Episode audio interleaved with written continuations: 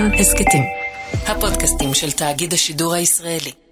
כאן רשת ב' מבית אלפא ועל נהלל, עם תמר אלמוג ויואב קרקובסקי. חג שמח, תמר. חג שבועות שמח, יואב. כל הארץ ביקורים, כל הקיבוצים טקסים. הטקסים שכל כך מזוהים עם החג הזה, טקסי הביקורים. ונכון ששבועות הוא גם חג חקלאי, והגיוני שההתיישבות העובדת היא המקום והסיבה לחגוג, אבל עדיין החג הזה הפך למזוהה במיוחד עם אזור אחד ומיוחד, עמק יזרעאל. יש לך עליו אה, נגיעה אישית אה, לא מעט, ואנחנו מבקשים לקחת אתכם איתנו למסע לאזור שבמידה רבה מאוד שרטט את תווי הפנים התרבותיים של החברה הישראלית בתחילת ימיה של המדינה, וזהו עמק יזרעאל. החלוציות התחילה שם, אבל גם הפסקול הכל כך ישראלי שלה. הזכרת יואב, אז בוא נעשה גילוי נאות. הרעיון לתוכנית הזאת צמח אחרי פטירתם של שניים מגדולי היוצרים הישראלים, שניהם העמק, נהלל ספציפית, מאיר שלו ויונתן גפן, זה קרה שבועות לפני שבועות. וגילוי נאות, שם התוכנית הוא, שמענו, מבית אלפא עד נהלל. אני נשואה לבית אלפא, אז החיבה שלי לעמק היא כפולה ומכופלת. אז אם כבר גילוי אישי, גם אני מאוד מחובר לעמק יזרעאל, רגשית מאוד. יש לי משפחה בתחילת העמק, יש כאלה שחולקים, אבל גן שמואל מבחינתי זה תחילתו של העמק, בחלק המערבי. הייתי מגיע לשם להרבה מאוד חופשות קיץ ופסח, ובבגרותי שימשתי כתב כל ישראל בצפון, והדרך... שחצתה את העמק ממרכז הארץ צפונה, הייתה החלק הקסום בכל נסיעה, תחושה של התחברות למשהו שהוא גדול מכולנו, גדול מאיתנו, שהוא הסיפור הישראלי. לכל אחד נאמר את זה, העמק. העמק הוא חלום, הוא החלום שלו. עוד מעט יהיה איתנו מי שגדל והתחנך בנהלל, אבל לקח את היצירה המוזיקלית שלו למקומות אחרים, מגוונים, מיכה שטרית. מוטי זעירה ודוקטור עומר עינב, הם יספרו על מקומו של העמק בליבה של הציונות וחלקה בהנעת היצירה התרבותית הישראלית. וזיו יונתן, בנו של המשורר נתן יונתן, יספר על היצירה של אביו, גם בעמק, וצידו של נחום מימן, גם הכל מהעמק. אבל ראשונת הראשונות תהיה הפסקול האמיתי של הפסקול הישראלי, גם הוא צמח מהעמק יחד עם השניים האלה, עם נחום מימן ונתן יונתן, והרבה מאוד משיריה בסוף הם שירי העמק, הם הפכו שירי נצח. חווה אלברשטיין, מיד כאן. מבית אלפא עד נהלל, מכאן ועד ארבע. עורך ומפיק אביגל בשור, הטכנאי יוראי פיקר.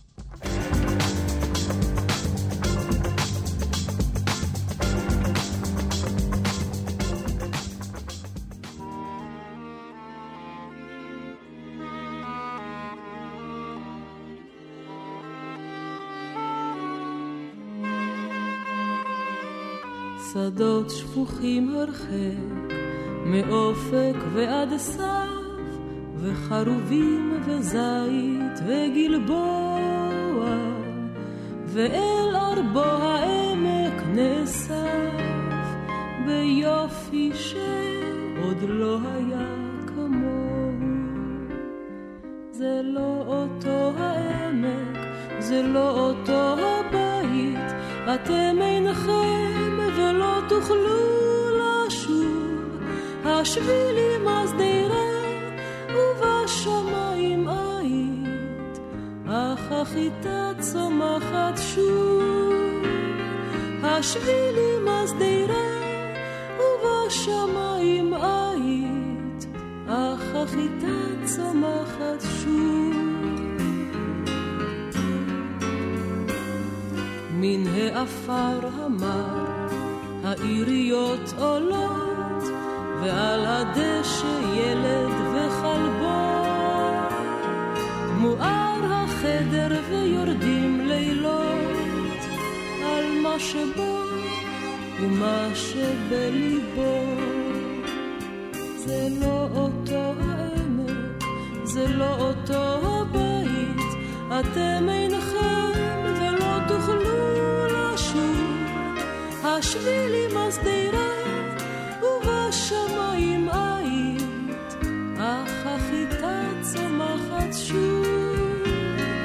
בשבילים אז דירה, ובשמיים עית, אך החיטה צומחת שוב.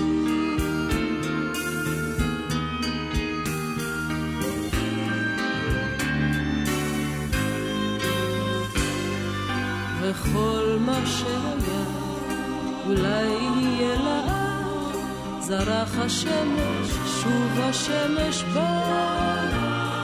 עוד השירים שרים, אך איך יוגע כל המכאוב וכל האהבה. הן זה אותו האמת, הן זה אותו הבית, אבל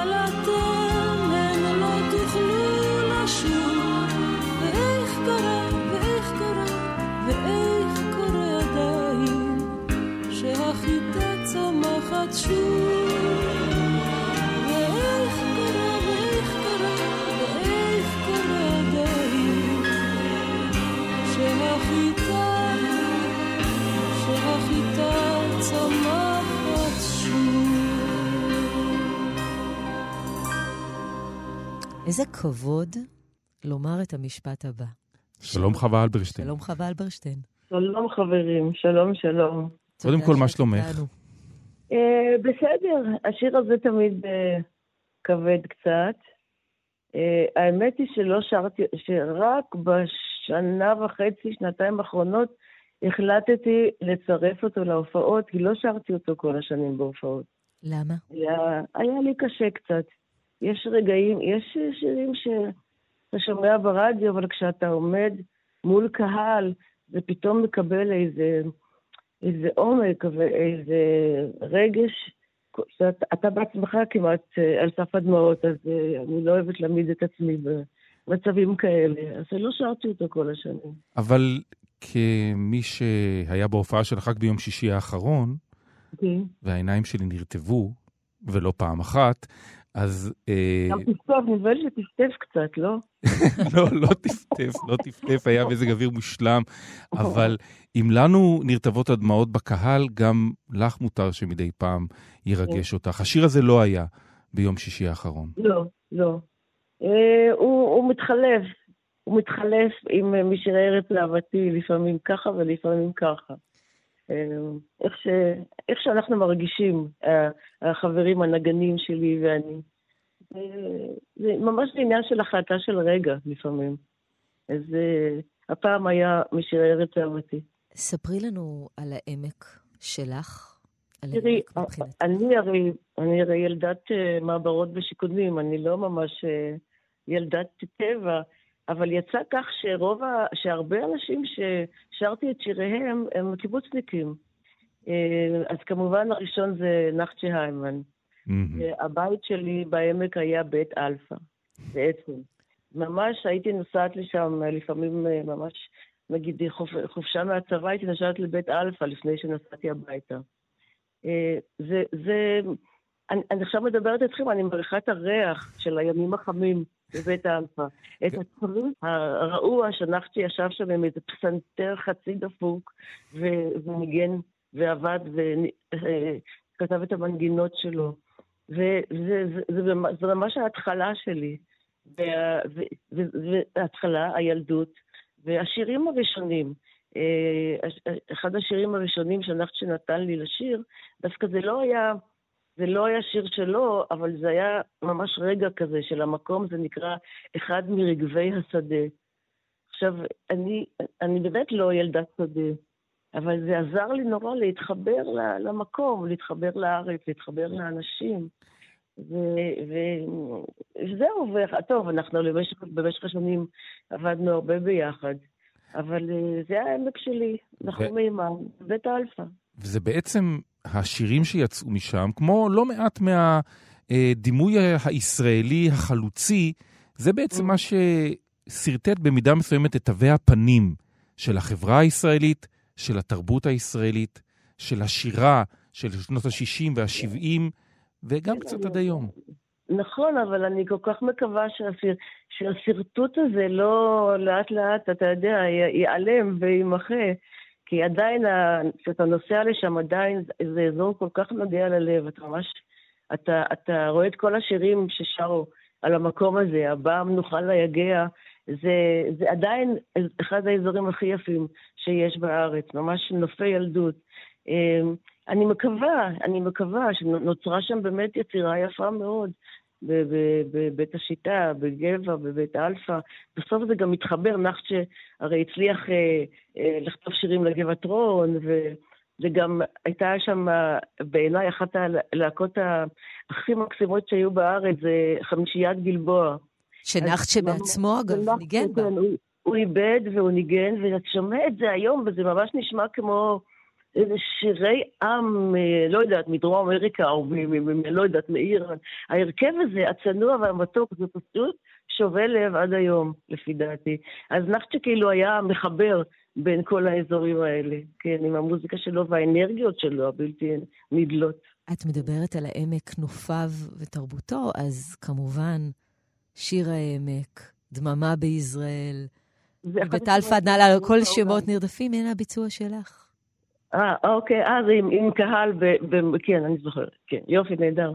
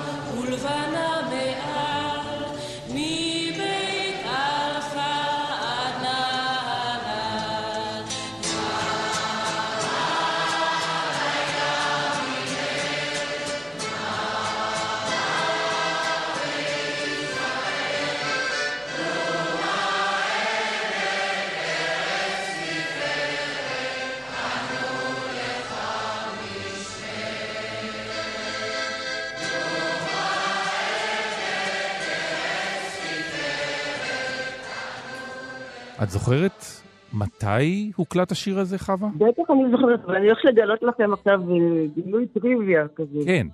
שתדעו אחר כך במרדף, אה, אם ישאלו אתכם. השנה הייתה 1967, אני שרה, זה היה פסטיבל הזמר, שבו שרה שולי נתן את ירושלים של זהב. וואו. זה הרבה יותר מלמרדף. זה, אני זוכרת, זה היה כאילו בחלק השני של הערב, כשסופרים את הקולות, אז הייתה תוכנית אמנותית. כן. ושולי עלתה ושרה את זה, ואנחנו כולנו עמדנו מאחורי הקלעים. ופשוט הלב של כולנו דפק, היא שרה את זה איזה שלוש פעמים לפי דעתי, הקהל לא נתן לה לרדת.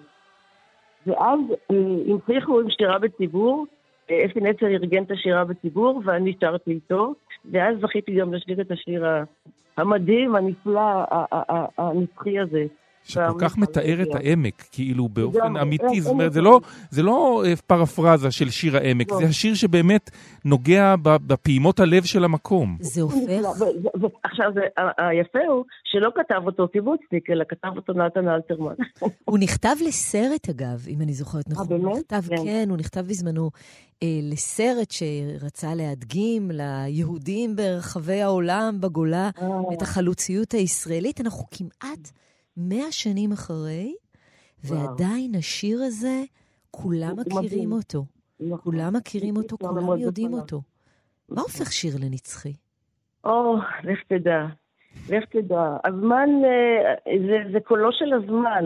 יש משהו אה, במילים ובמוזיקה שכנראה נשאר, יש בו איזה רעננות, איזה משהו שלא מתיישן בפה אפילו. אתה שר את זה וזה נעים לך, אתה, אתה מרגיש שאתה שר שיר כאילו שנכתב uh, שלשום. וזה באמת תעלומה, זה באמת תעלומה. הש, השירים שהופכים ל... כמו שהרסיים קוראים לזה evergreen, ירוקים לנצח כאילו. אני לא יודעת. אם היינו יודעים, היינו כותבים הרבה שירים כאלה. אבל, אבל לך יש הרבה שירים כאלה. והאם את יכולת לנבא לא. באולפן ההקלטות, זה יצליח לחצות את הדורות? לא. ממש לא. תראה, גם אפילו השיר שפתחתם איתו, החיטה צומחת שוב, הוא, הוא התחיל מאוד uh, לאט-לאט.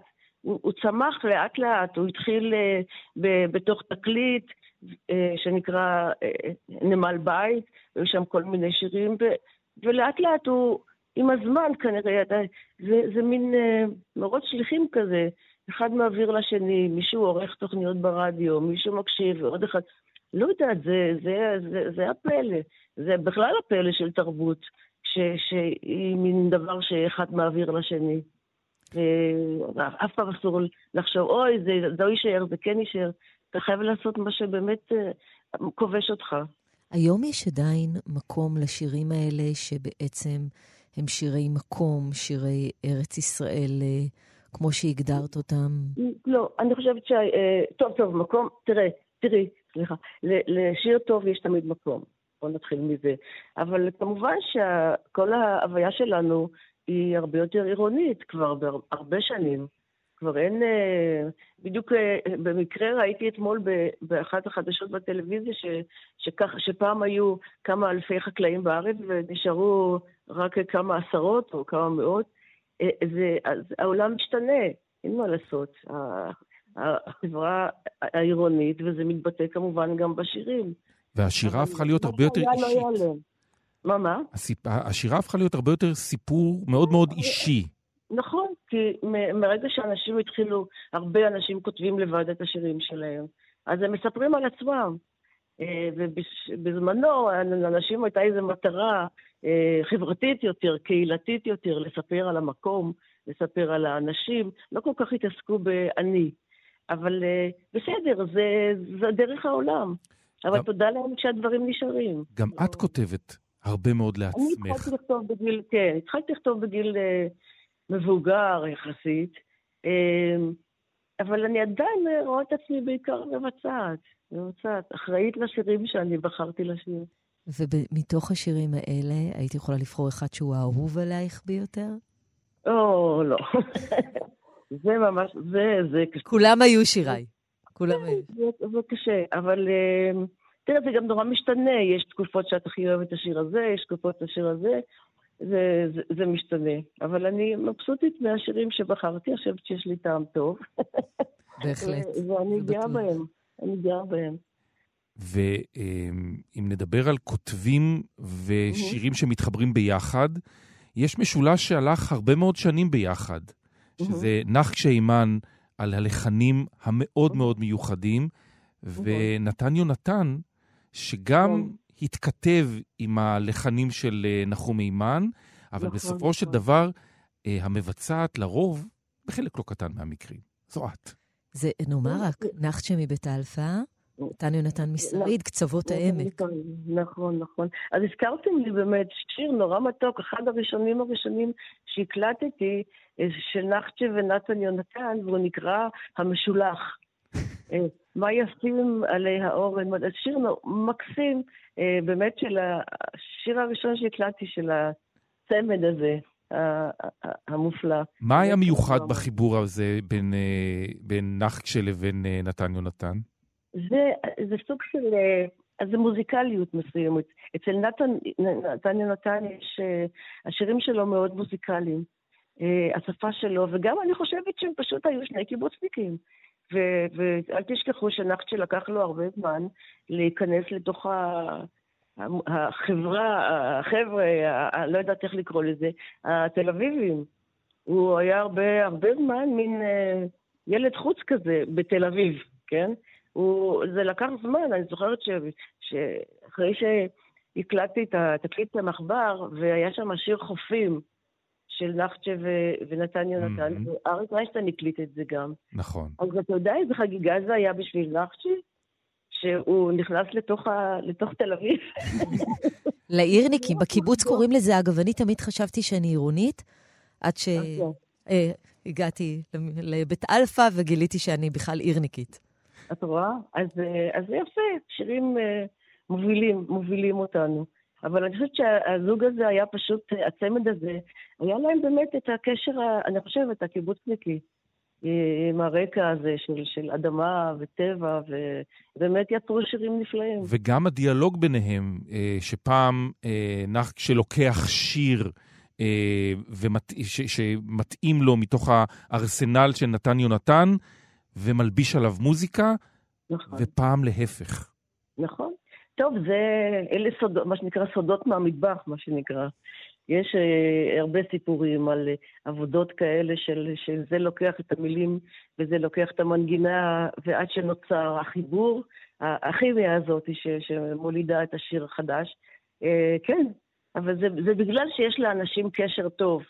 אחרת, נניח, אני רוצה לקחת איזה שיר ואני רוצה לשנות בו משהו, אז זה לא כל כך פשוט. אז יש עלבון ולא מוכנים, אבל השניים האלה זה היה ממש אה, ישות אחת.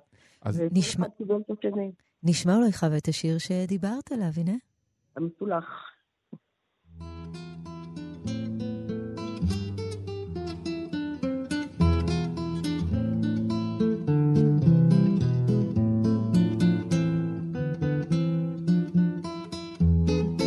מדקים עלי האורן, גזעי הזית, ואהוב קרקוב הבית, ליונה ואל החרוב, ליונה, ליונה, ליונה ואל החרוב. ממרומי הרי הבטר, איש גלש אל תוך הוואדי, עוד מעט יאמר כבר באתי אל ביתי אל האהוב, אל ביתי, אל ביתי, אל ביתי אל האהוב. לא נעלתי את הדלת, על השער אין בריח, כי ידעתי שיגיע יום אחד עייף עצוב, יום אחד, יום אחד, יום אחד עייף עצוב, ילטף את כד המים ויריח את הלחם, ופתאום יקום ללכת אל הדרך לבלי שוב, לבלי שוב, לבלי שוב, אל הדרך לבלי שוב. עוד הטל דולף באורן, והצל נופל בוואדי. הוא יצא ולא ידעתי למה בא ואיך פרח. למה בא, למה בא, למה בא ואיך פרח. ומאז רבים חולפים פה, ובכל אבק פורח. אבקש את האורח התמוה המשולח.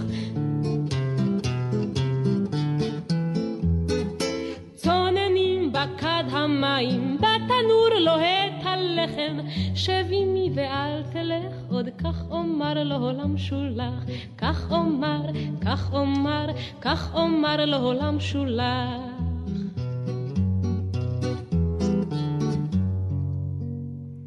עיניי מבכי, על ראשי הלבין השלג, אך רגלי עודה כושלת. אל הדלת בהלך, בהלך, בהלך, אל הדלת בהלך, בהלך, בהלך, אל הדלת בהלך. זה השיר הראשון ששרת של השניים האלה. כן, ממש ממש, ההתחלה, ההתחלה, ההתחלה. אז מה זה המשולח? ה... אבל את יכולה להסביר? זה מה? שנשלח? המשולח? Mm-hmm. זה, המשולח זה הנודד. Mm-hmm. זה שאדם ש... שהוא משולח הוא כזה פרא אדם. הפרא אדם הזה שמסתובב ואין לו בית. זה, זה, זה הביטוי. וזה מעניין שזה השיר שבעצם התחיל את הדרך האומנותית הזאת שהיה לבית, והרבה פעמים הבית שדובר עליו היה העמק. נכון, נכון. מה שלומך בימים אלה, חווה? אה, איך אומרים? תלוי. אה, כמו כולנו. באופן אישי אני בסדר גמור. אה, באופן כללי אני מוטרדת כמו כולם, מבוהלת. זה משתנה, יש רגעים שאני מאוד גאה שאנשים מביעים את עצמם ולא שותקים, כי תמיד טענו בבית שהאזרחים הישראלים הם הכי ממושמעים בעולם, ופתאום הם כבר לא. אז אני לא יודעת, אני לא יודעת, אנחנו כולנו בסיטואציה שאיש לא חזה, אז אנחנו פשוט יכולים רק לצפות ולקוות ל... לדברים טובים שיקרו לנו. ואת uh, אדם שמאוד מחובר לחדשות, מאוד מחובר לאקטואליה, לעתים גם כותב. כן. את אדם שכותב על מה שקורה. כן. יש לך משהו שאת uh, כותבת עליו בימים האלה? יצא מזה לא. שיר? לא, בזמן האחרון אני לא כל כך, uh, לא כל כך כותבת, ויש גם דברים ש... שלצערנו לא משתנים, שאתה יכול לקחת שיר, אני שרה בהופעות את השיר, כרגע זה נראה לא טוב. נכון. אז מה, אז, אז, אז רגע, אני, אז, אני לא יכולה לשיר את זה היום. את שרת את זה ביום שישי, ואני הרגשתי שזה שיר שנכתב כאילו ממש לפני נכון, שבועיים. נכון, נכון, כי אנחנו במין, איך אומרים, שידור חוזר בעצם של המון דברים ש, שלא משתנים, ואתה לא יודע איך... לתקוע טריז ולהתחיל להוביל את זה לאיזה כיוון אחר. לא יודעת, קטונתי. חווה אלברשטיין, תודה רבה לך, היה כל כך נעים, מרתק, מרגש לדבר איתך. תודה רבה. ואת השיחה בינינו אנחנו מסיימים עם אחד השירים אה, שהוא מבחינתי אחד השמנים בתוך השמן מזכך לחיי. אה, שיר מעט עצוב אולי, אבל אני מאוד מאוד אוהב אותו. נתן יונתן, יונתן כתב, ונחקשה אימן אה, הלחין בביצוע שלך, החול יזכור.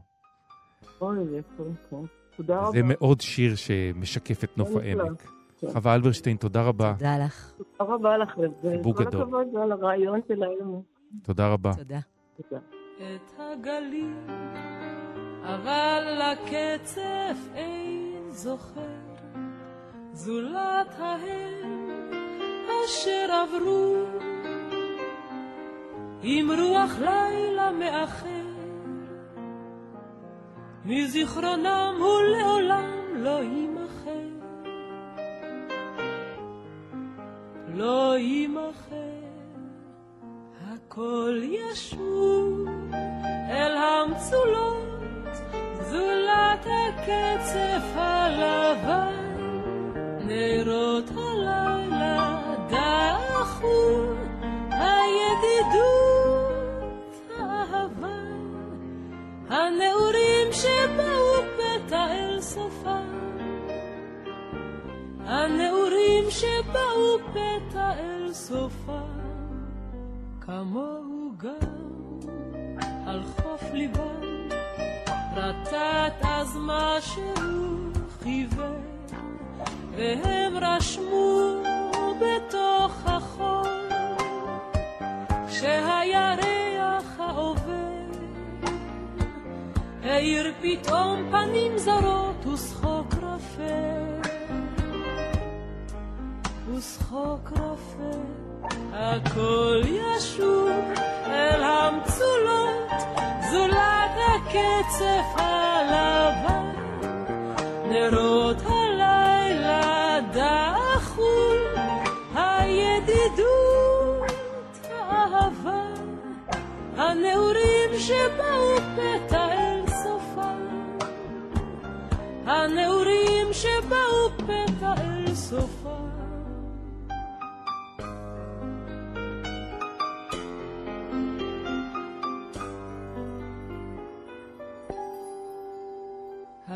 שם קונכיות ריקות שנעמו קינה של ים ובית עלמין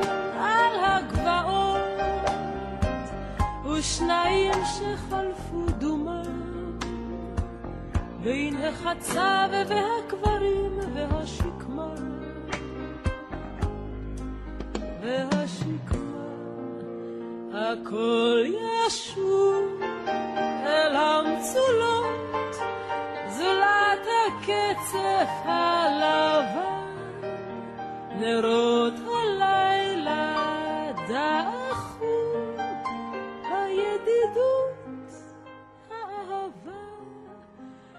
הנעורים שבאו פתע אל סופם. הנעורים שבאו פתע אל סופם.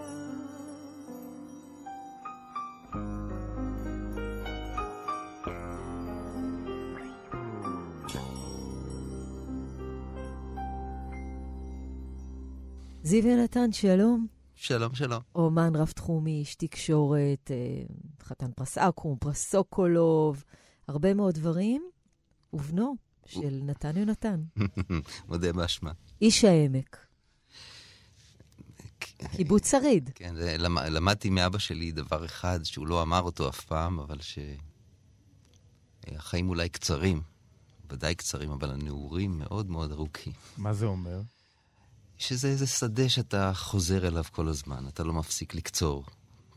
וזה זיכרונות. נכון, וזה נכון לגבי זה שהעמק הוא מקום שבו גדלת, התעצבת, ולמרות שאינך חי שם היום, אתה עדיין שם? בדיוק ככה, לכן אמרתי שזה פתאום החזיר אותי ל, ל, ל, לנעורים שבאו אל סופם, ואף פעם לא באו אל סופם. שזה אחד לא... השירים המאלפים אה, ביותר לדעתי, שבכלל נוצר כאן יכול לזכור. זו תמונה של רגע, שאבא ואימא על החוף מציירים איזה לב, לבבות, נשבעים שבועת אהבה שהים כמובן מוחה, על יד בית קברות מוסלמי ושקמה וחצבים שיש בבית קברות מוסלמי. כמובן שיש לזה קשר ליום הזיכרון.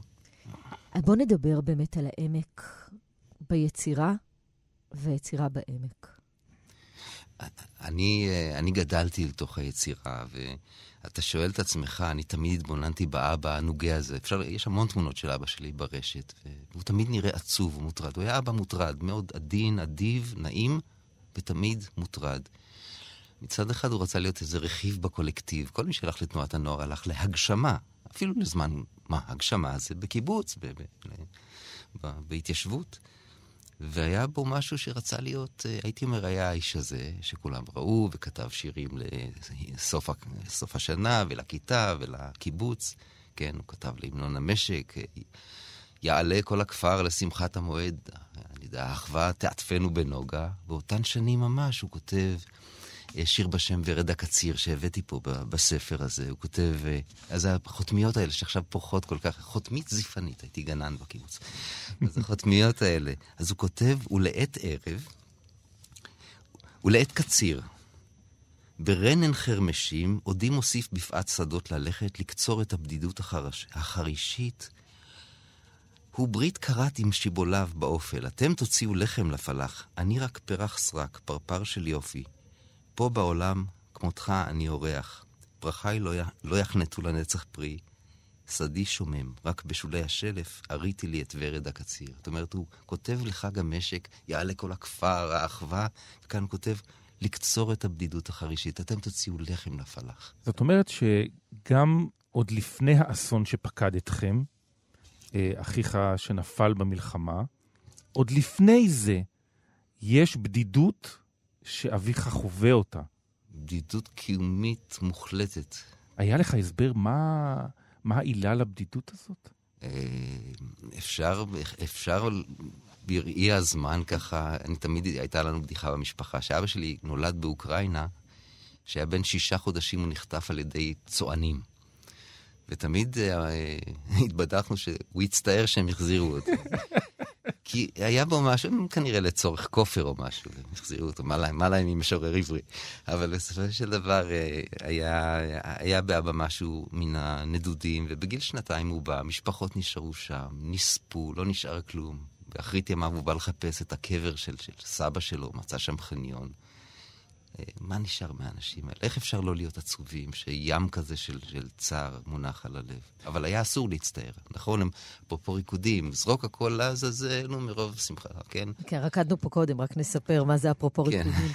אבל זה, זה מתקשר, אגב, באמת לחלוציות ולעמק ולתפיסה של אין מקום לעני ואין מקום לעני העצוב, כי צריך לבנות, להגשים, לעשות.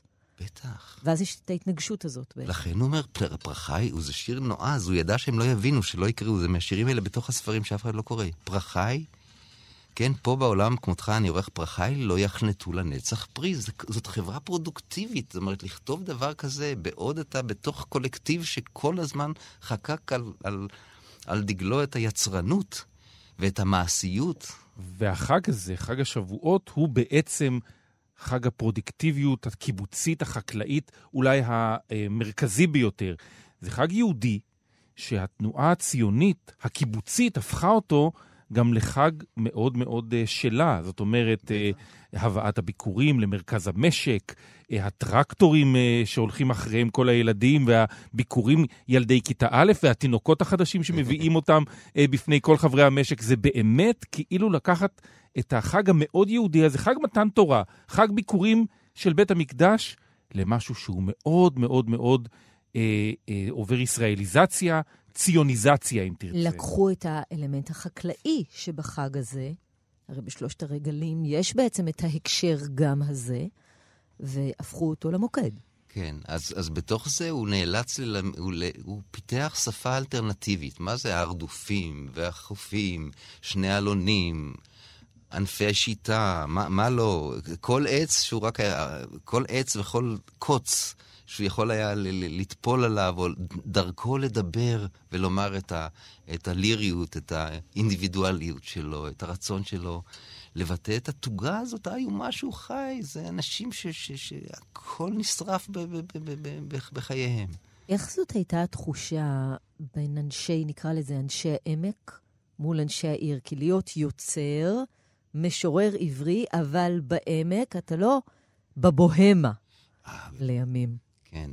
אלה, הייתי מפריד אותם. נתן זך בזמנו כתב, אני רומנטיקן מר מאוד. אני חושב שבעמק היו רומנטיקנים לא מרים. ההבדל היה, אלה היו גם אלה רומנטיקנים, אבל הרומנטיקנים המרים היו עם הטיפה המרה בכסית. והרומנטיקנים הנוגים, אבל עם המתיקות הזאת, היו, היו בעמק. הם, הם איכשהו הצליחו ל... ונתן סח עשה את זה במרכז העיר תל אביב. הייתי בביתו לפני 15 שנה, איזה ריח אה, מאוד מאוד... אה, אה, מודגש של אה, וויסקי מעורב בקוניאק עם הכניסה הביתה, היה מהמם, אבל איש אה, באמת מעורר השראה. אביך, נתן יונתן, אה, הוא אחד מהסמלים אולי הגדולים ביותר באמת של יצירת העמק.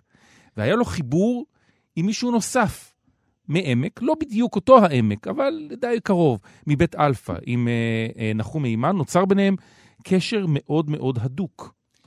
הקשר עם נחצ'ה הוא קשר רומנטי. זאת אומרת, שוב, אלה אנשים מאוד מאוד שונים, ונחצ'ה לא במקרה גם בסופו של דבר הצליח לקחת את עצמו מהקיבוץ ישר אל דלתה של ננה מושקורי, והסיפור הידוע, ולעשות את הסיבוב האירופאי שלו, ובסוף לחזור לארץ כמובן. אבל, אה, אבל אה, אבא שלי התקשה מאוד ב, ב, ב, בכפילות הזאת, ואנשים, ולא במקרה אהב את, ה, את, ה, את הניגון, את המנגינה, כי הוא ידע שהמלחינים יכולים לתת לו פספורט החוצה. זאת אומרת שאביך המשורר הבין שחיי נצח לשיריו יכולים לתת מלחינים, ולכן היה שיתוף פעולה מאוד מאוד הדוק בינו לבין אחד מגדולי המלחינים שלנו. הוא קודם כל ידע שזה ייקח אותו מעבר לגדר המשק. השיר לא יישאר בספר. השיר, כמו הספר, אפשר להגיד, יפרוס את הדפים, יפרוס כנפיים. מהעמק לעיר. מהעמק, מהעמק אל העמק האחר, אל עפולה, משם לחיפה, ואפילו לתל אביב, ו... וכן. כן, ש, ש, שללחן יש כוח אדיר, ולכן הוא כלל גם בספרי שיריו את הפזמונים, דבר שחיים גורי, ידידו הטוב והמשורר הנפלא, לא כלל. באבל וואד או שיר הרעות לא נתפסו בספרי שיריו של גורי. כי שירה לחוד ופזמונים לחוד. שירה לחוד, פזמונים לחוד. אז בואו נראה, נ, נלך רגע להקלטות שאתה מביא לנו כאן, לדעתי, בפרסום כמעט ראשון שלהם, נכון? הקלטות לא מוכרות. מסוף שנות ה-60. שבהם יש חלופה, דיאלוג, בין כותב המילים אביך לבין מחבר הלחן אה, נחום הימן. אז בואו נשמע את ההקלטה הראשונה, שהיא למעשה על אחד מהשירים אולי הגדולים ביותר שנוצרו באותה התקופה. כן, נשמע כמה צלילים ואת ההכרזה של נחשי בהתחלה, היא מכוננת. שיר אהבה אנדלוזי. שיר אהבה אנדלוסי. שהפך להיות ניטה וחואן. שיר ישן על אניטה וחואן, זאת ההשפעה. הוא, אבא שלי מיד היה נתפס, ואתה לא יכולת לזרוק מילה באוויר מבלי שהוא יושפע ממנה. והוא גם כעס על נחצ'ה על דברים כאלה, אבל גם נהנה מזה כמובן, כי... אז מה היה כאן קודם? זה? הלחן, כן.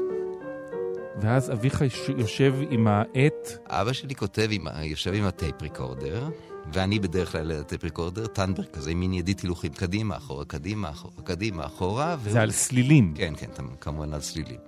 אז זאת דוגמה קטנה של השפעה קטנה, ואולי כדאי לעבור לשמוע השפעה עוד יותר דרמטית של נחצ'ה על אבא שלי.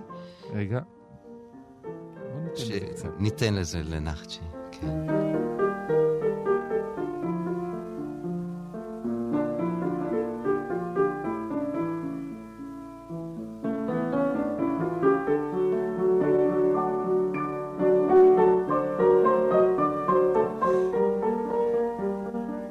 ככה זה נשמע על הפסנתר והטייפ שאתה השמעת. בוא נראה את התוצאה הסופית.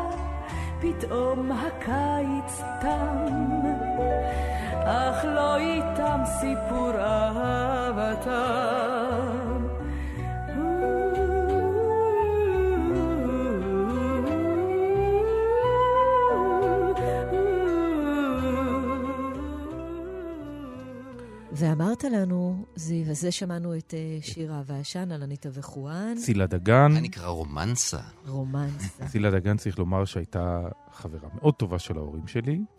זמרת מופלאה. מופלאה. אדירה. כן, קול זך שאין בו כתם. ועכשיו נחזור שוב להקלטות שאתה מביא. כן, אני רוצה, אני רוצה לומר מילה. נחצ'ה, יש גם תהליך הפוך, שנחצ'ה נטפל לשיר. הוא נטפל לשיר, זאת הגדרה. הנהדרת. הגדרה. תראו, נחצ'ה קורא שיר עצוב, שוב שיר רומנטי בין אבא, אבא שלי ואמא שלי סיפקו זה לזו סיבות טובות לכתוב שירים. ועל זה אתה, אני מניח שיש לך עוד, דר, עוד דרכים נוספות לטפל בנושא הזה. בלי ספק, אבל בכל אופן, אבא שלי כותב שיר מאוד יפה, בשירים לאורך החוף, ספר נהדר, גם מאוד מולחן, המון שירים מולחנו מכאן. הוא כותב, חופים הם לפעמים געגועים לנחל שאהב, ועכשיו השורה הכי חשובה בשיר, יש במקומות שלנו נחלי אכזב. לא מופיע בביצוע ה... נחצ'ה קרא את השיר וקרא החוצה את השורה הזאת, כי היא לא נוחה לפזמון. פזמונים, פזמון אומר במידה רבה את מה שאנחנו מכירים. לא במקרה אנחנו שרים שירים ביחד וקוראים שירי, שירה לבד. שיר אומר משהו שהוא לא נוח. פזמון לא אוהב להגיד דברים לא נוחים. ואז נחשה מלחין את ה... מארגן, עורך את השיר מחדש, מלחין ושולח. שולח לאבא שלי את זה על פסנתר. אנחנו נשמע את ההקלטה המקורית שאבא שלי מקבל את, ה... את השיר. הנה זה. הם לפעמים. נחשה מודיע חופים לפעמים. ואחרי סיבוב אחד אבא שלי לא מתאפק, ומקליט את עצמו שר את הטקסט בגרסת נחצ'ה כדי לבדוק איך זה עובד לו. אז תכף ממש זה ה... זאת ההקלטה האורגינלית.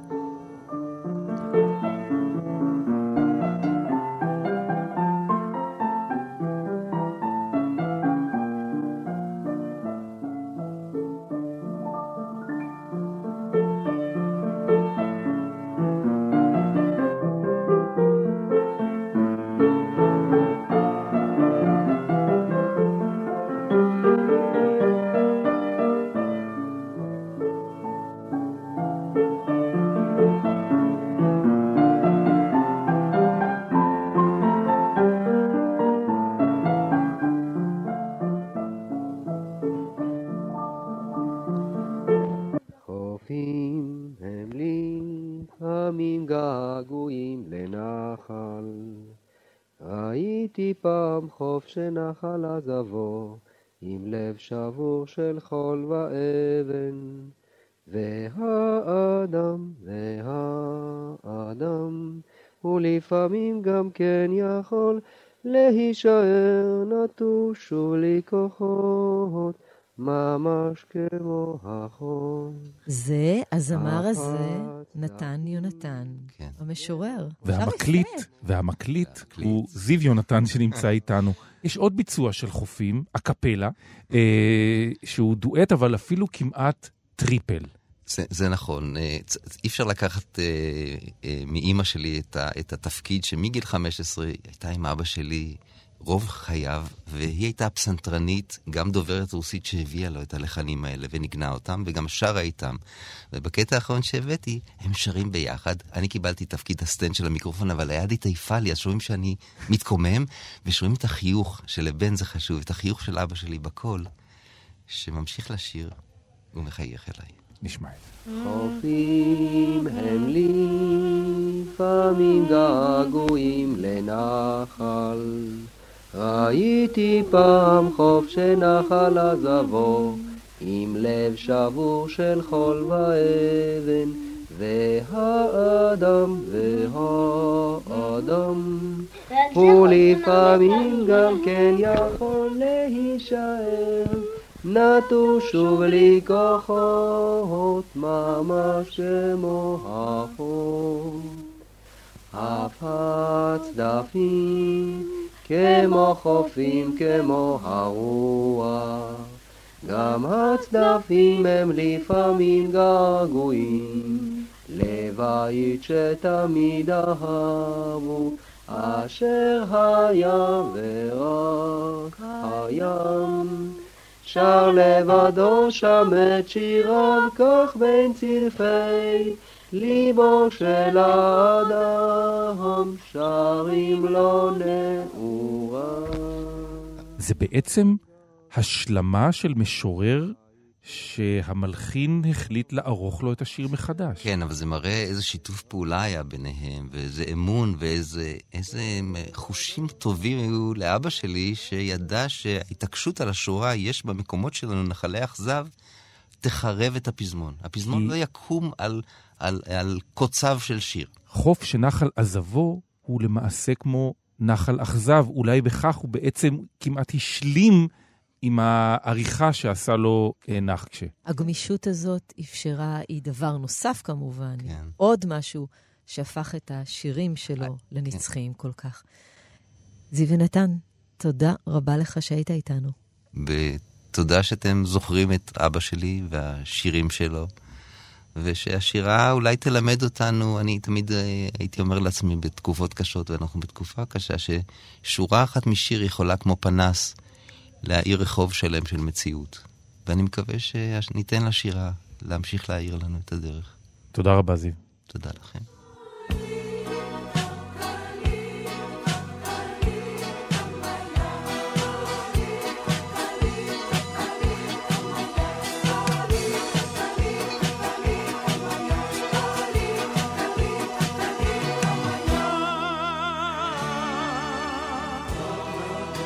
חווה אלברשטיין הייתה איתנו, וזיו יונתן היה איתנו, ומה הקשר עכשיו למוזיקה הרוסית הזאת של הגבעטרון, תמר? שאנחנו, בוא נספר למי שלא יכולים לראות, שאנחנו רוקדים אותה כאן. כן.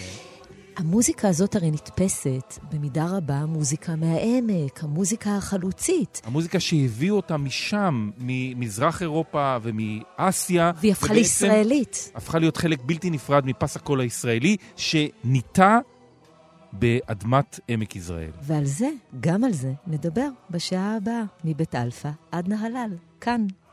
כאן רשת ב'.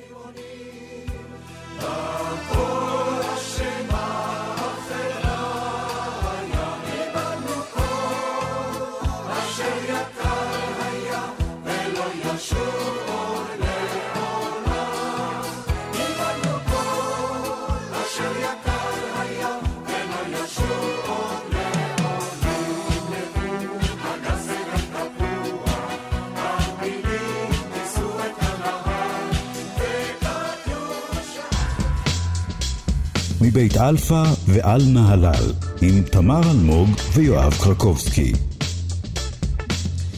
שבוע שמח. שבוע יואב. שמח, תמר, שעה שנייה שלנו במסע שבין בית אלפא לבין אה, נהלל, גם על ההיסטוריה של העמק, אבל בעיקר על העובדה שזה היה המקום שבמידה רבה מאוד עיצב את הפס הקול הישראלי לאורך כל כך הרבה שנים. היצירה משם, נפרדנו לפני כמה שבועות משני יוצרים ענקיים ששניהם גדלו בעמק בין ההלל, מאיר שלו ויונתן גפן, ואנחנו מדברים על שורה ארוכה של יוצרים ויצירות, וגם הרבה על החיים שלנו. כי כשמדברים על הישראליות ובעיקר על חג השבועות הזה, אני חושב שהנופים של העמק הם אלה שקופצים לנו ראשון, לראשונה לעיניים. אז אה, גם לאוזניים, הנה ככה מוזיקה שמתחברת לרבים מאיתנו לעמק.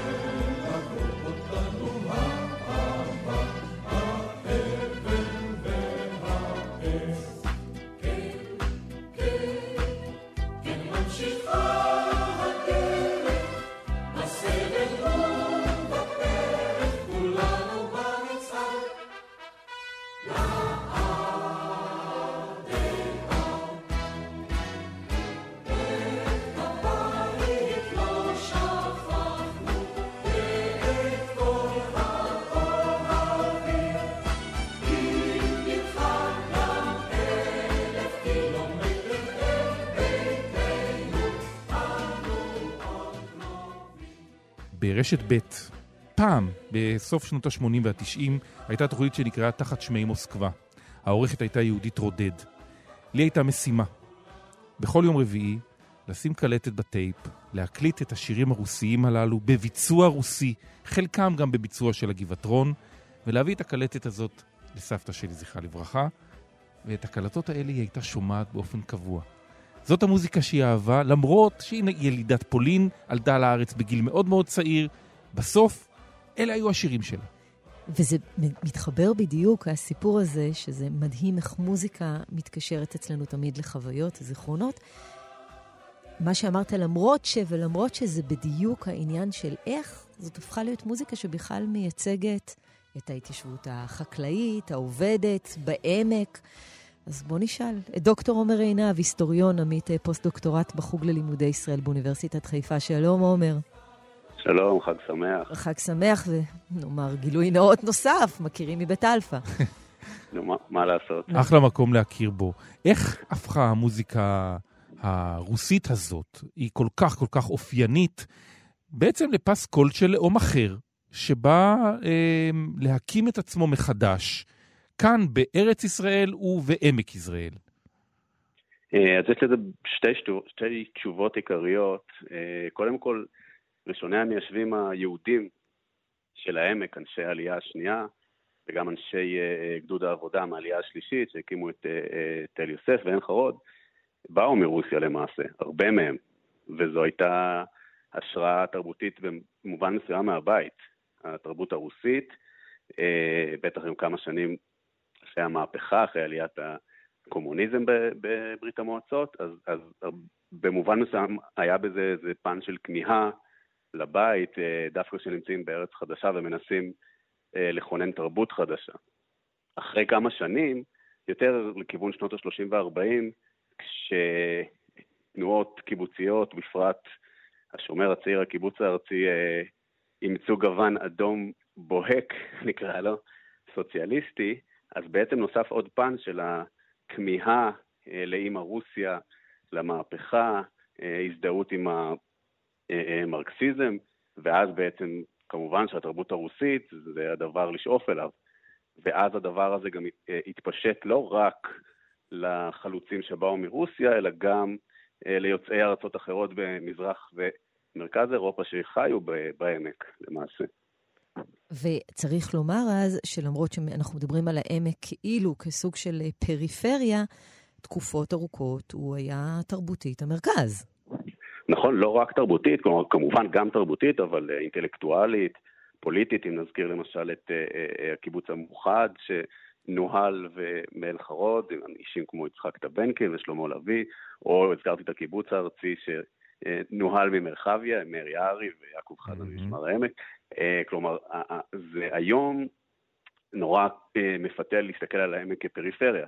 וגם אז זו הייתה פריפריה גיאוגרפית, אבל מהבחינות שציינתי, לחלוטין לא. כלומר, זה היה באמת מרכז, מקום שנשאו אליו עיניים, רצו לראות מה קורה בו. זה גם מקום ששלח שלוחות למרכז המטרופולין התל אביבי. צוותא הייתה למעשה בבעלותם של הקיבוצים, המופעים המרכזיים בעצם היו אה, חלק בלתי נפרד, זה בעצם אה, אה, היה שגרירות, אם תרצה, של העמק אה, בלב ליבה הפועם של תל אביב.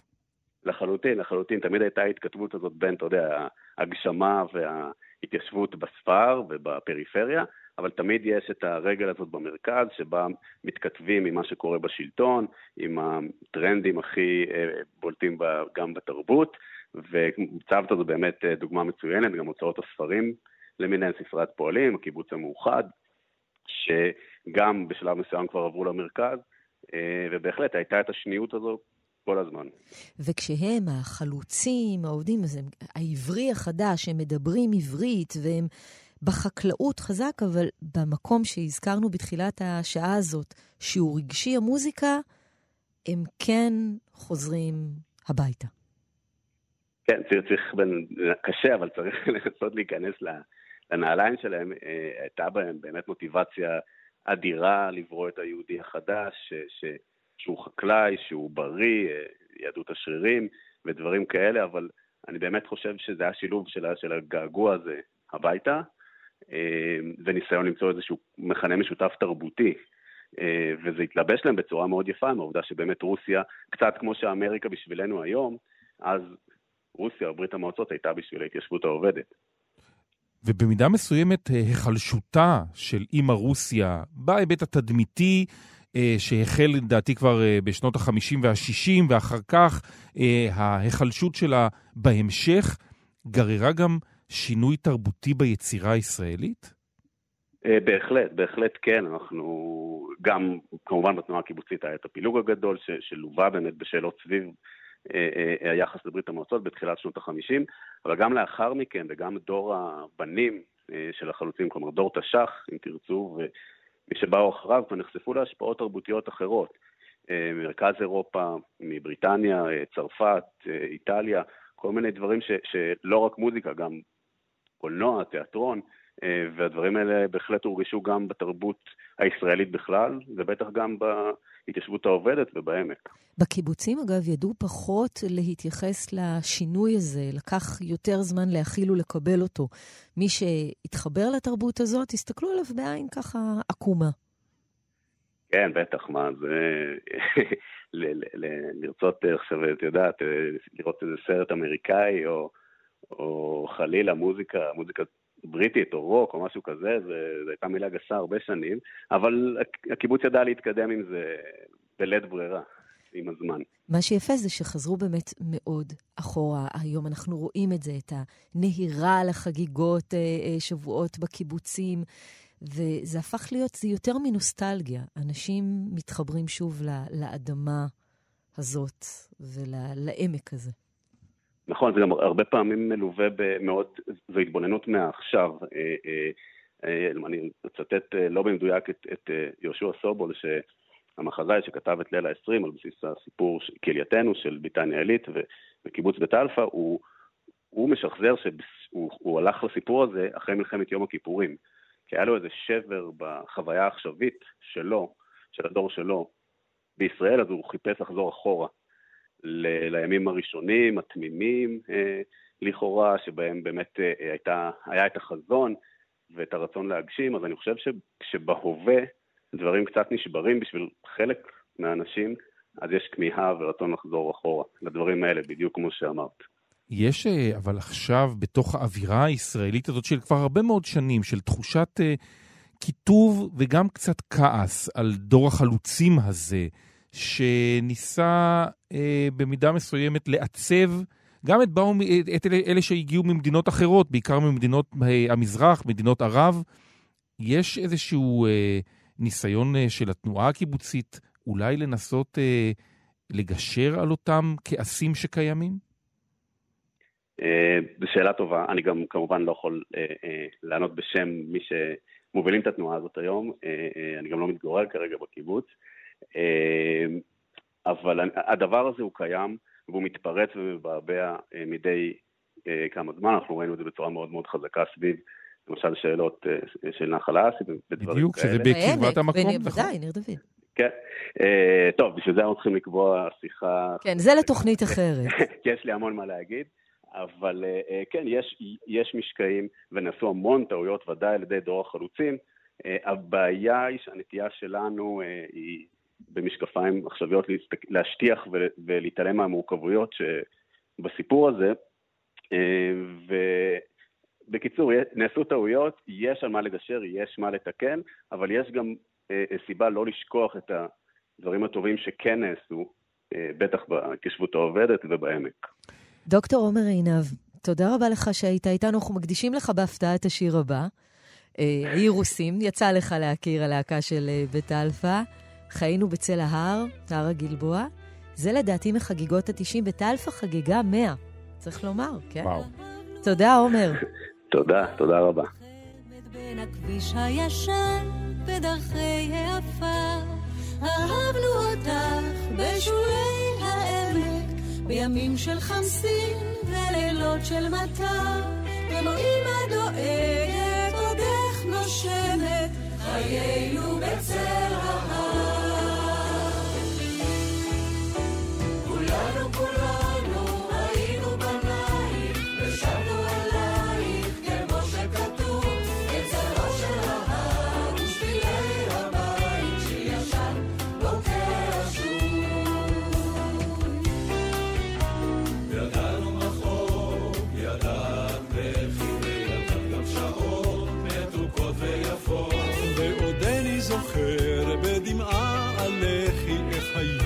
רצים בכפות יחפות. ואם יש אגדות, אז גם את חודך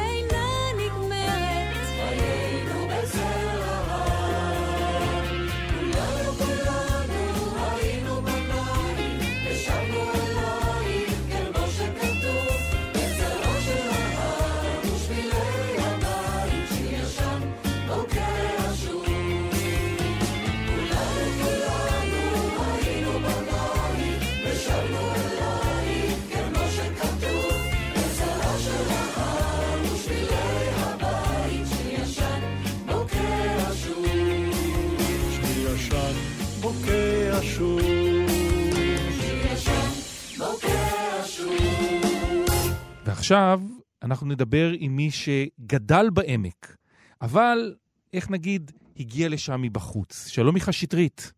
שלום, שלום. שלום, איזה כיף לדבר איתך, חג שמח. חג שמח, חג שמח. מה שלומך? אני מרגיש טוב, כן. בסך הכל עובר תקופה טובה בזמן המטורף הזה. ובוא נדבר על העמק והקשר שלך לנהלל, נכון?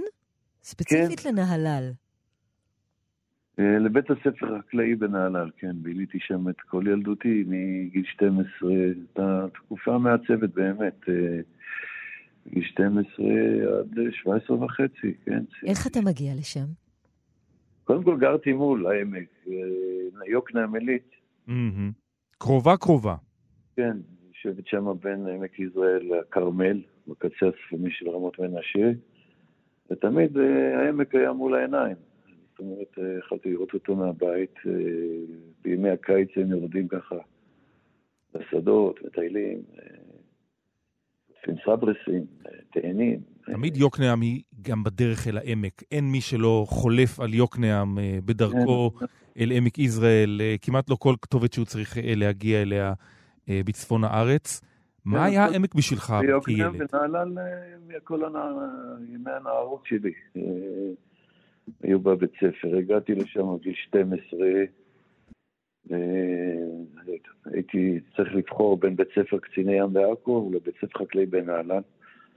אה, לא יודע, התמונה הזו של המושב העגול, כל השדות, אה, משך אותי, והגעתי לשם, והחלטתי, למדתי שם חקלאות, וגם אה, גידולים סוקטרופים בין שירים היה המקצוע הראשי שלי, והצאן היה מקצוע משני, וזהו, ובאמת אלה היו שנים אה, מעצבות, אה, מרתקות, לחיות שם בכל האתוס והמיתוס והכל ביחד, הכל אה, שותף.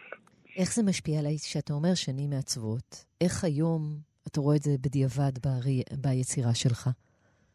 קודם כל החיבור לאדמה, לנופים, לאהבת הארץ.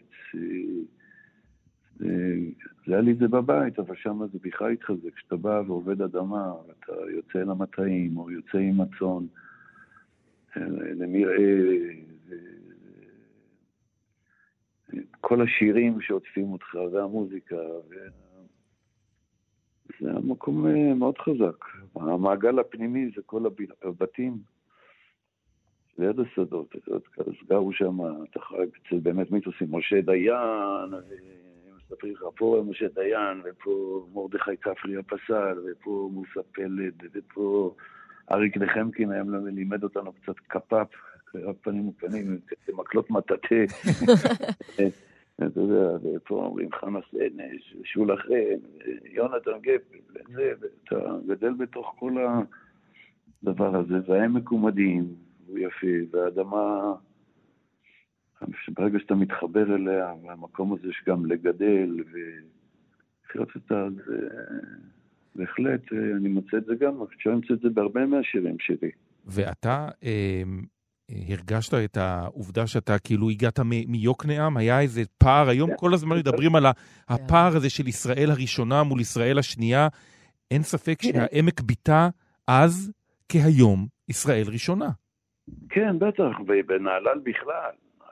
אה, אתה יודע, בבית ספר חקלאי היינו מלא חבר'ה מהפריפריות, אה, משלומי ומעכו ומכל מיני מקומות. לא, זה כמו איזה, ספינה שעלתה על סרטון באמצע המושב, ספינת מעפילים. אה, אתה יודע, זה הורגש, אבל לא יודע, יש משהו באדמה ובנוף שמבטל לפעמים הרבה מאוד גבולות. כן, הרגשנו לא, שאנחנו בנהלל, אבל לא נהללים, למרות שהייתי שם די הרבה זמן, ושתלתי ונטעתי ועבדתי את האדמה שם וכאלה.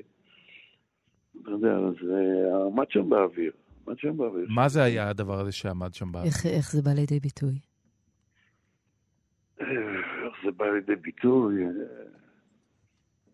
אפשר להסביר, זה- זה הרגיש כאילו שיש איזה מין אליטה ואתה פה אורח, מין תחושה כזו באוויר. אבל לא, לא היו לזה ביטויים, אתה יודע, שאנשים באים ואומרים לך, אתה לא, לא שייך או כאלה, זה לא... זו הייתה אוויר, מין אווירה כללית כזו. יכול להיות שהייתה פנימית, אבל היו לה גם, כן, אבל זה גם נטבח בכל מיני דברים חיצוניים. אתה זוכר אותם? אה, לא ממש, זה באיזשהו מקום שהבנתי שאני כותב את ההיסטוריה שלי. זה לא משנה, אני לא מאפשר לאף אחד לכתוב את ההיסטוריה שלי והחיבור שלי לאדמה, לנוף.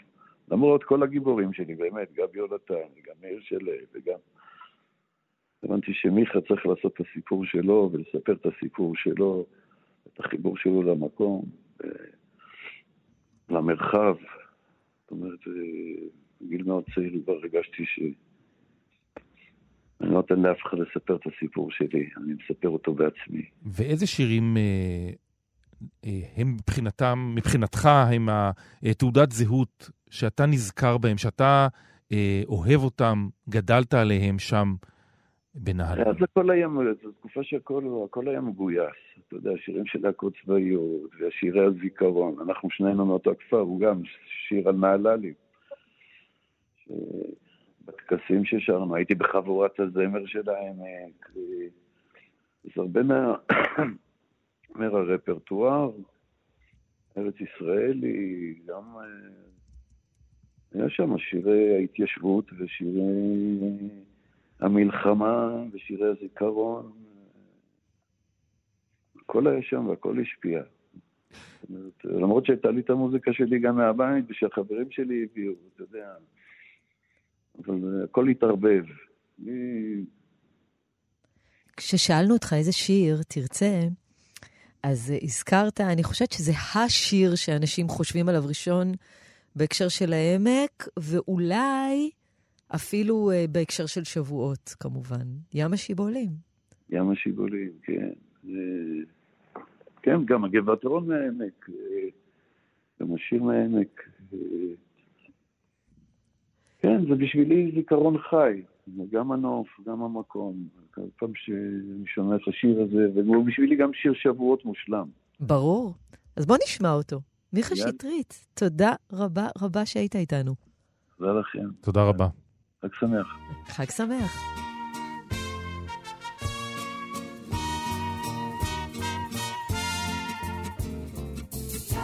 השמעונים שמסביב, chuva e carumba.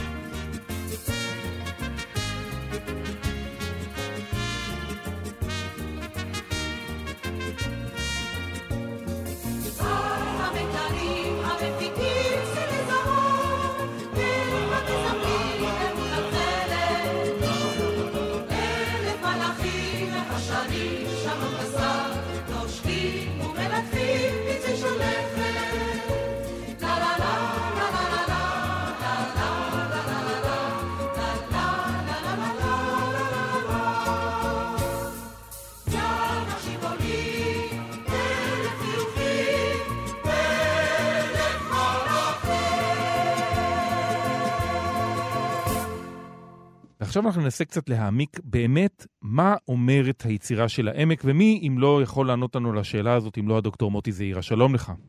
שלום רב. שלום, היסטוריון, חוקר הזמר העברי, מחבר ביוגרפיות של נעמי שמר וחיים חפר ותרצה אתר, המון דברים, אבל לפני שנתחיל בזה, בואו נדבר על ים השיבולים ששמענו עכשיו.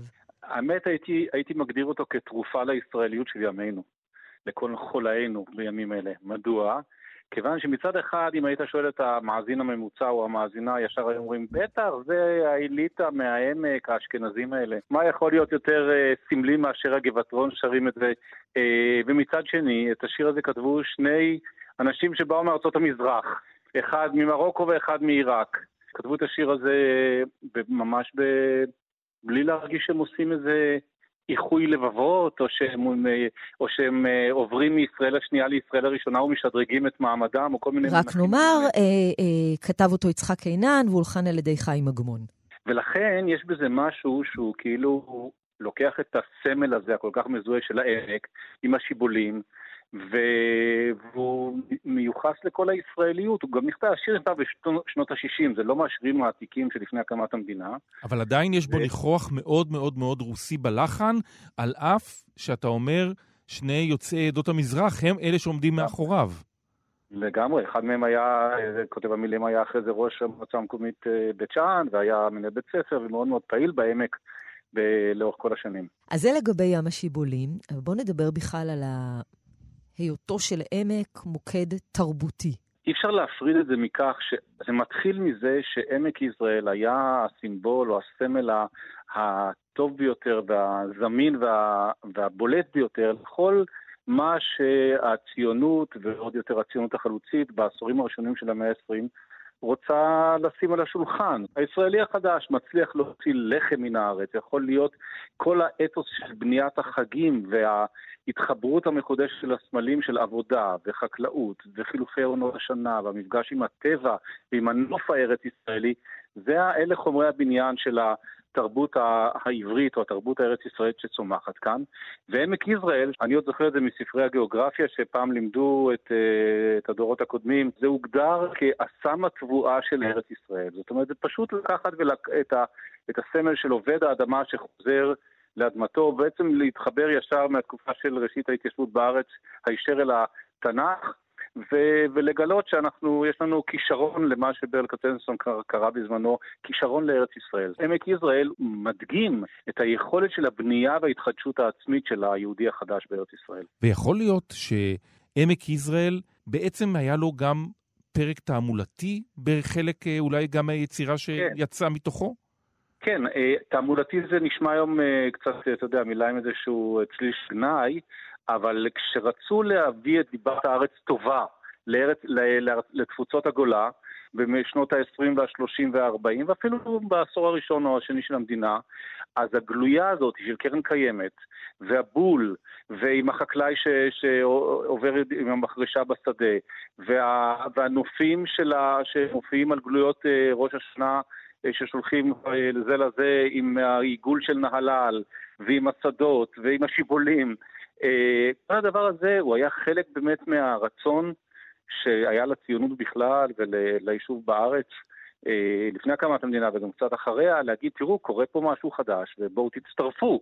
לכן זו תעמולה דווקא במובן הטוב של המילה, כלומר, מנסים לשכנע שיווק, אנשים לבוא. לעשות עלייה. שיווק, כן, אולי שיווק זה... זה הזכרנו את זה, אגב, ש, שמבית אלפא עד נהלל, השיר הזה היה חלק נכון. מפסקול של סרט, שהיה גם סוג של סרט שהראה כמה בונים נכון. פה חיים חדשים. ודרך אגב, מבחינה תרבותית זה נורא מעניין, כי אה, מרגוט קלאוזנר ויהושע ברנשטטר, שני אלה שהכינו את הסרט הזה, מרגוט קלאוזנר תהיה לימים המקימה של אולפן הרצליה. אולפן הרצליה, נכון.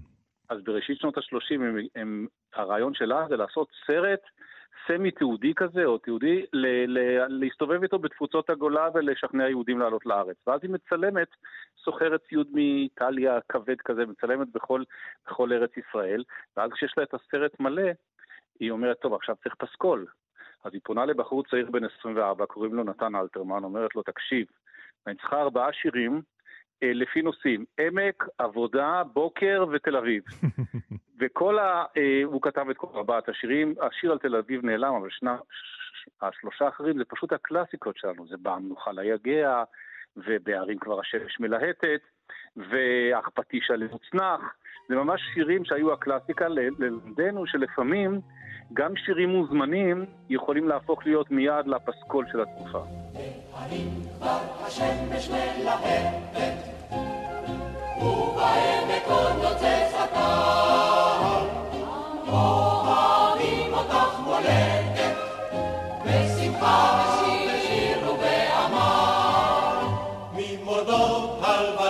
ים המלח, נעבור אותך במחרשות. אדוני לא יפה נדמה לך, אנו נייפה אותך מאוד.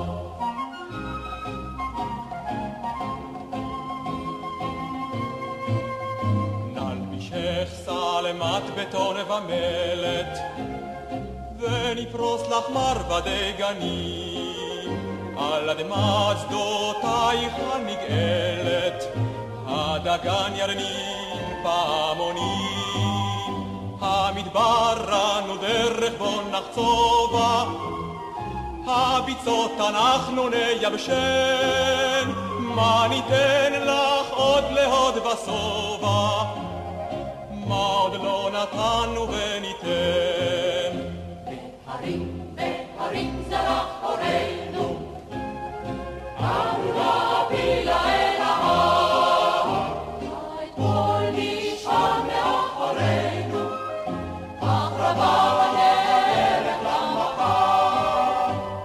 קשה היא הדרך ובוגדת, אם גם לא אחד ייפול חלל, עד עולם נאהב אותך מולדת, אנו לך בקרב ובעמל.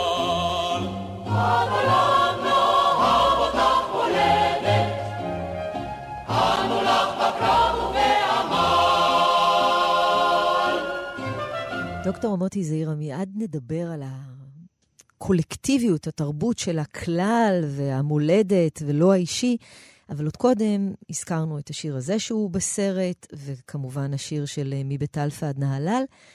והתיישבות, התיישבות חילונית, אבל יש ביצירה הזאת, ביצירה של נתן יונתן, מאיר שלו כמובן, גם הרבה אלמנטים שהם כן קשורים לתנ"ך, למקורות. כי התנ"ך זה בעצם הספר היחיד מכל הקאנון היהודי שעבר את המסננת הציונית. זה לא רק ההיסטורית, הייתי אומר אפילו החלק הפיזי, הגיאוגרפי, זה שאתה יכול, יכלו להסתובב עם התנ"ך בארץ ולזהות את, אה, את נהר הירדן ואת, אה, ואת ברק וסיסרא רבים בנחל קישון, ואת מגידו.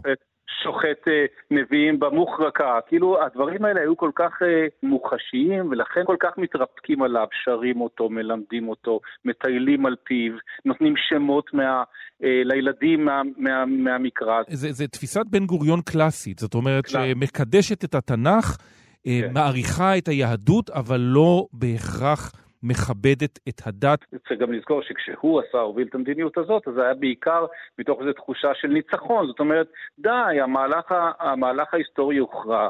הציונות החילונית מובילה את המהלך, ה- המסורת והדת אה, היהודית, אה, זה עתה חטפו אה, כמעט נוקאוט בשואה, ולכן אם צריך פה קצת לפזר כמה פירורים בשביל היידישקייט, זה בסדר. הוא לא שיער את מה שהתפתח מאז, אבל זה בהחלט היה, זאת הייתה התודעה שמתוכה הוא פעל. אגב, גם אה, עבדים היינו, מהאגדה של פסח, מה שאנחנו שרים היום, נכון? זה, זה בכלל נכתב בעמק, לטובת כן. סדר פסח של התנועה הקיבוצית כן. והשומר הצעיר. אני כמעט יצא לי אה, שמוצניק, כאילו מההרגל. אה, כן, זה אחד, זה אחד הדברים שאני רוצה, שאני אוהב להדגיש, שזה נורא, בעיניי זה נורא חשוב. אנחנו, יש לנו נטייה להסתכל בראייה דיכוטומית, כן, הם בחרו רק את התנ"ך, והם מרדו בדת, והם לא רצו קשר עם היהדות, והם רק עם ארץ ישראל וזה.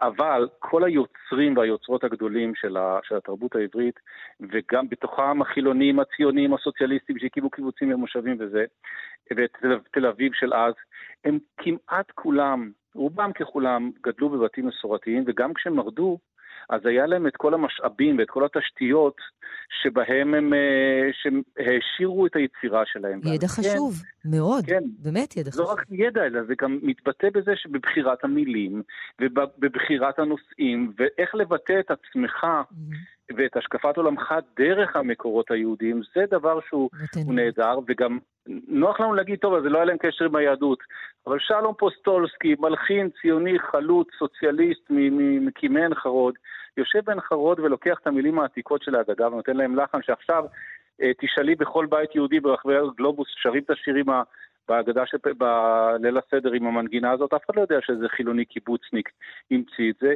כי זה לא נכנע לקטגוריות שנורא נוח לנו עכשיו לקטלג ולהגיד מי בעד, מי נגד, מי יהדות, מי לא יהדות, מי דמוקרטיה וזה. ויש נקודה שבה אתה מזהה את ירידתו של העמק מהמרכזיות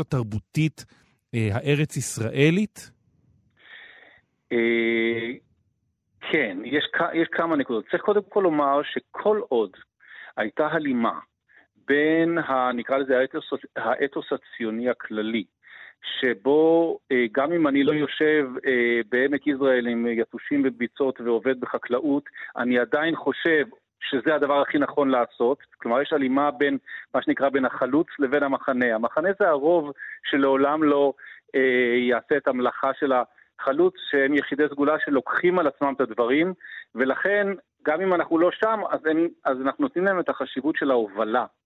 וכל עוד הייתה הלימה בין המחנה, במרכאות, לבין, או בין הציבור, אה, לבין, ה, לבין החלוץ הזה שמבטא את הערכים שלו, אה, שהוא בעצמו לא יכול להגשים, אז המרכזיות של העמק נשמרה, העמק כסימבול, כי זה באותה מידה גם החרשה ועבודת אדמה ודגניה ועוד כל מיני מונחים כאלה מההיסטוריה הקצרה של ארץ ישראל.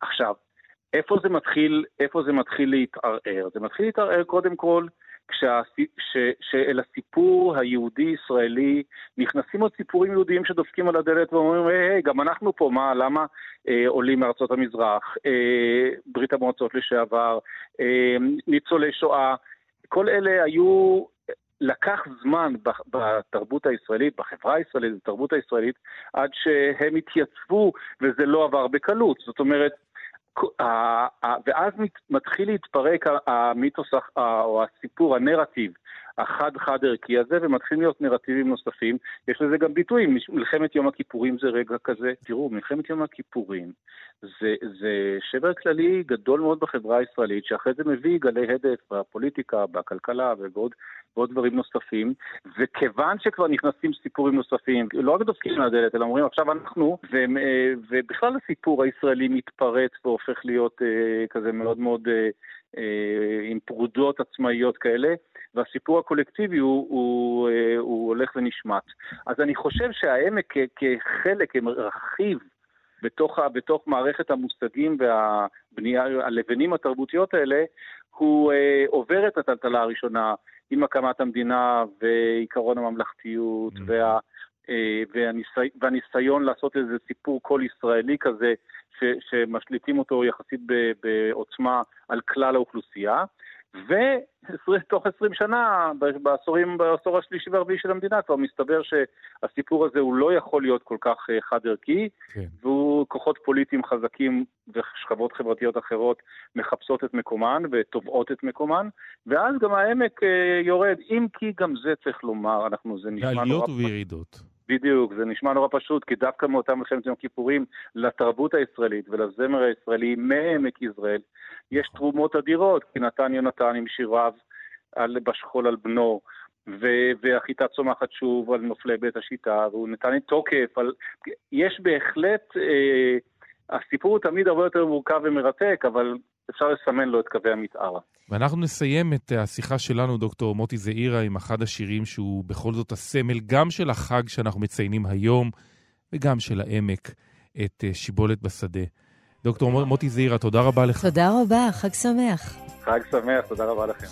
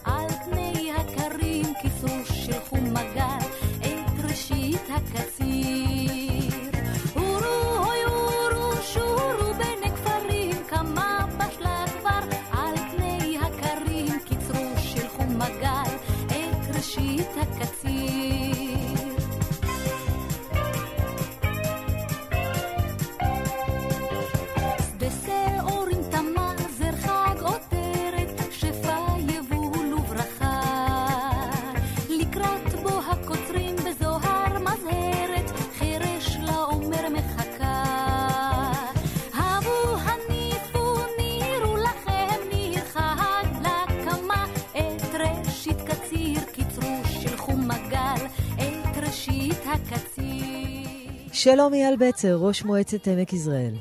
צהריים טובים לכם ולמאזינים. חג שמח, האם חג הושלמו שמח. ההכנות אה, לטקסי השבועות אצלך במועצה האזורית? אתה יודע שהכל מוכן? כן, כן, פסטיבל חלב ודבש בעיצומו. כבר מזה 11 שנים, וביניהם גם אה, חגיגות הקציר, חגיגות אומנות, תערוכת אמני העמק, 40 אמנים מהעמק, באמת אה, שלל תוכניות.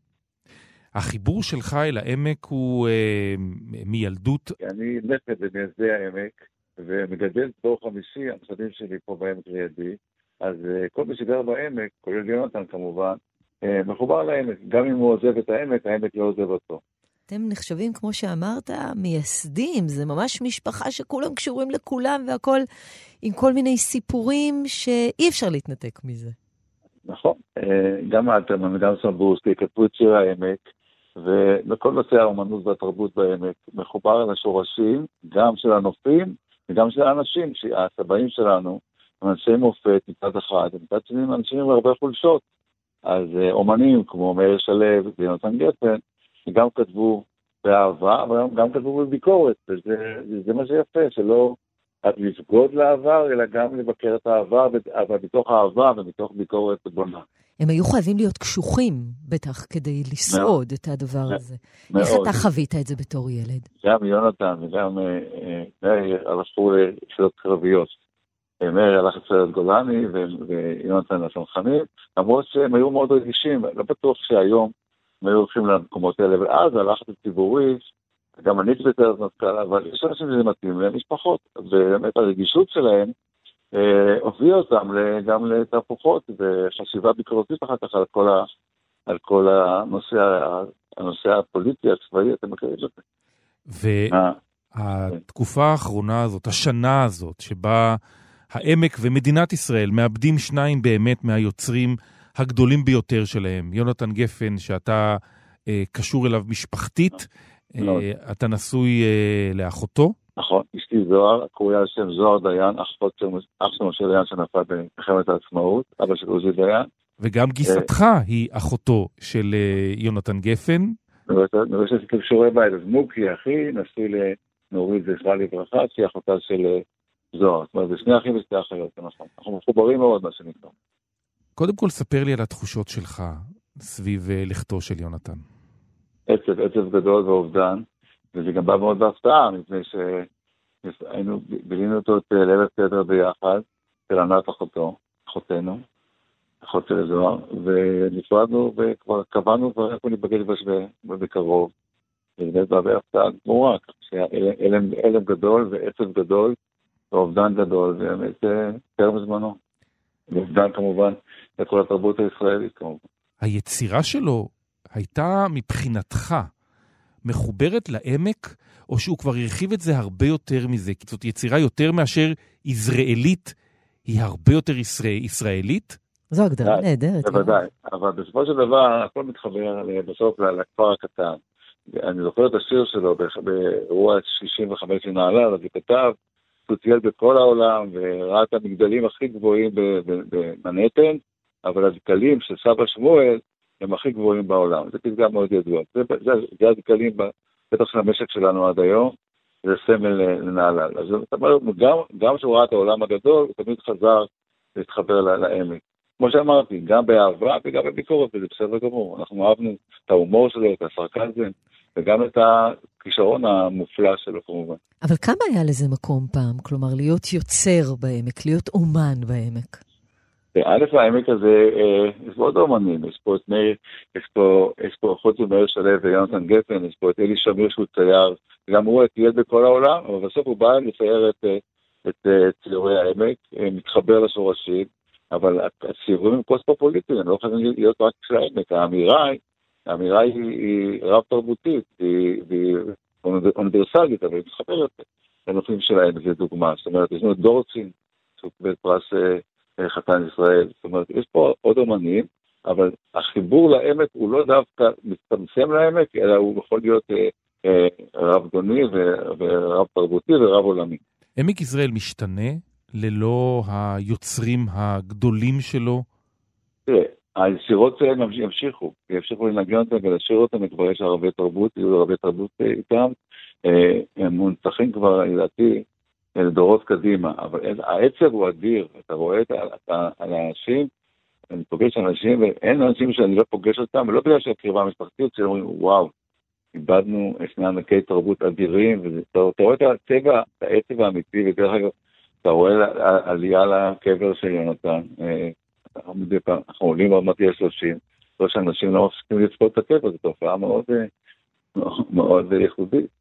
זה מראה שכמה אנשים אהבו אותו. בכלל, העמקים... חיבור אליו. העמקים האלה שאפשר לראות אותם מעמק כנרות דרך אה, אה, עמק בית שאן עד עמק יזרעאל ולהפך, מקומות שבתקופות זמן שונות יצרו בתוכן הרבה מאוד אומנות ושירה. אה, רחל שקבורה אה, אה, אה, בסמוך לכנרת, נעמי שמר. אלה כאילו מקומות שבהם אתה אה, מקבל השראה. עכשיו נהלל, בית העלמין של נהלל הופך להיות אה, אחד שכזה. זה בעצם, אה, זה אחד זיכרון ואחד תרבות. אנשים שמחברים לתרבות, אה, לעבר, להיסטוריה, אבל גם עם מבט קדימה לעתיד. אני אמרתי, אני לא מסתכל רק 100 שנה אחורה, כי נעלה בת 100, אני בתפקידי כראש מועצה מסתכל גם 100 שנה קדימה.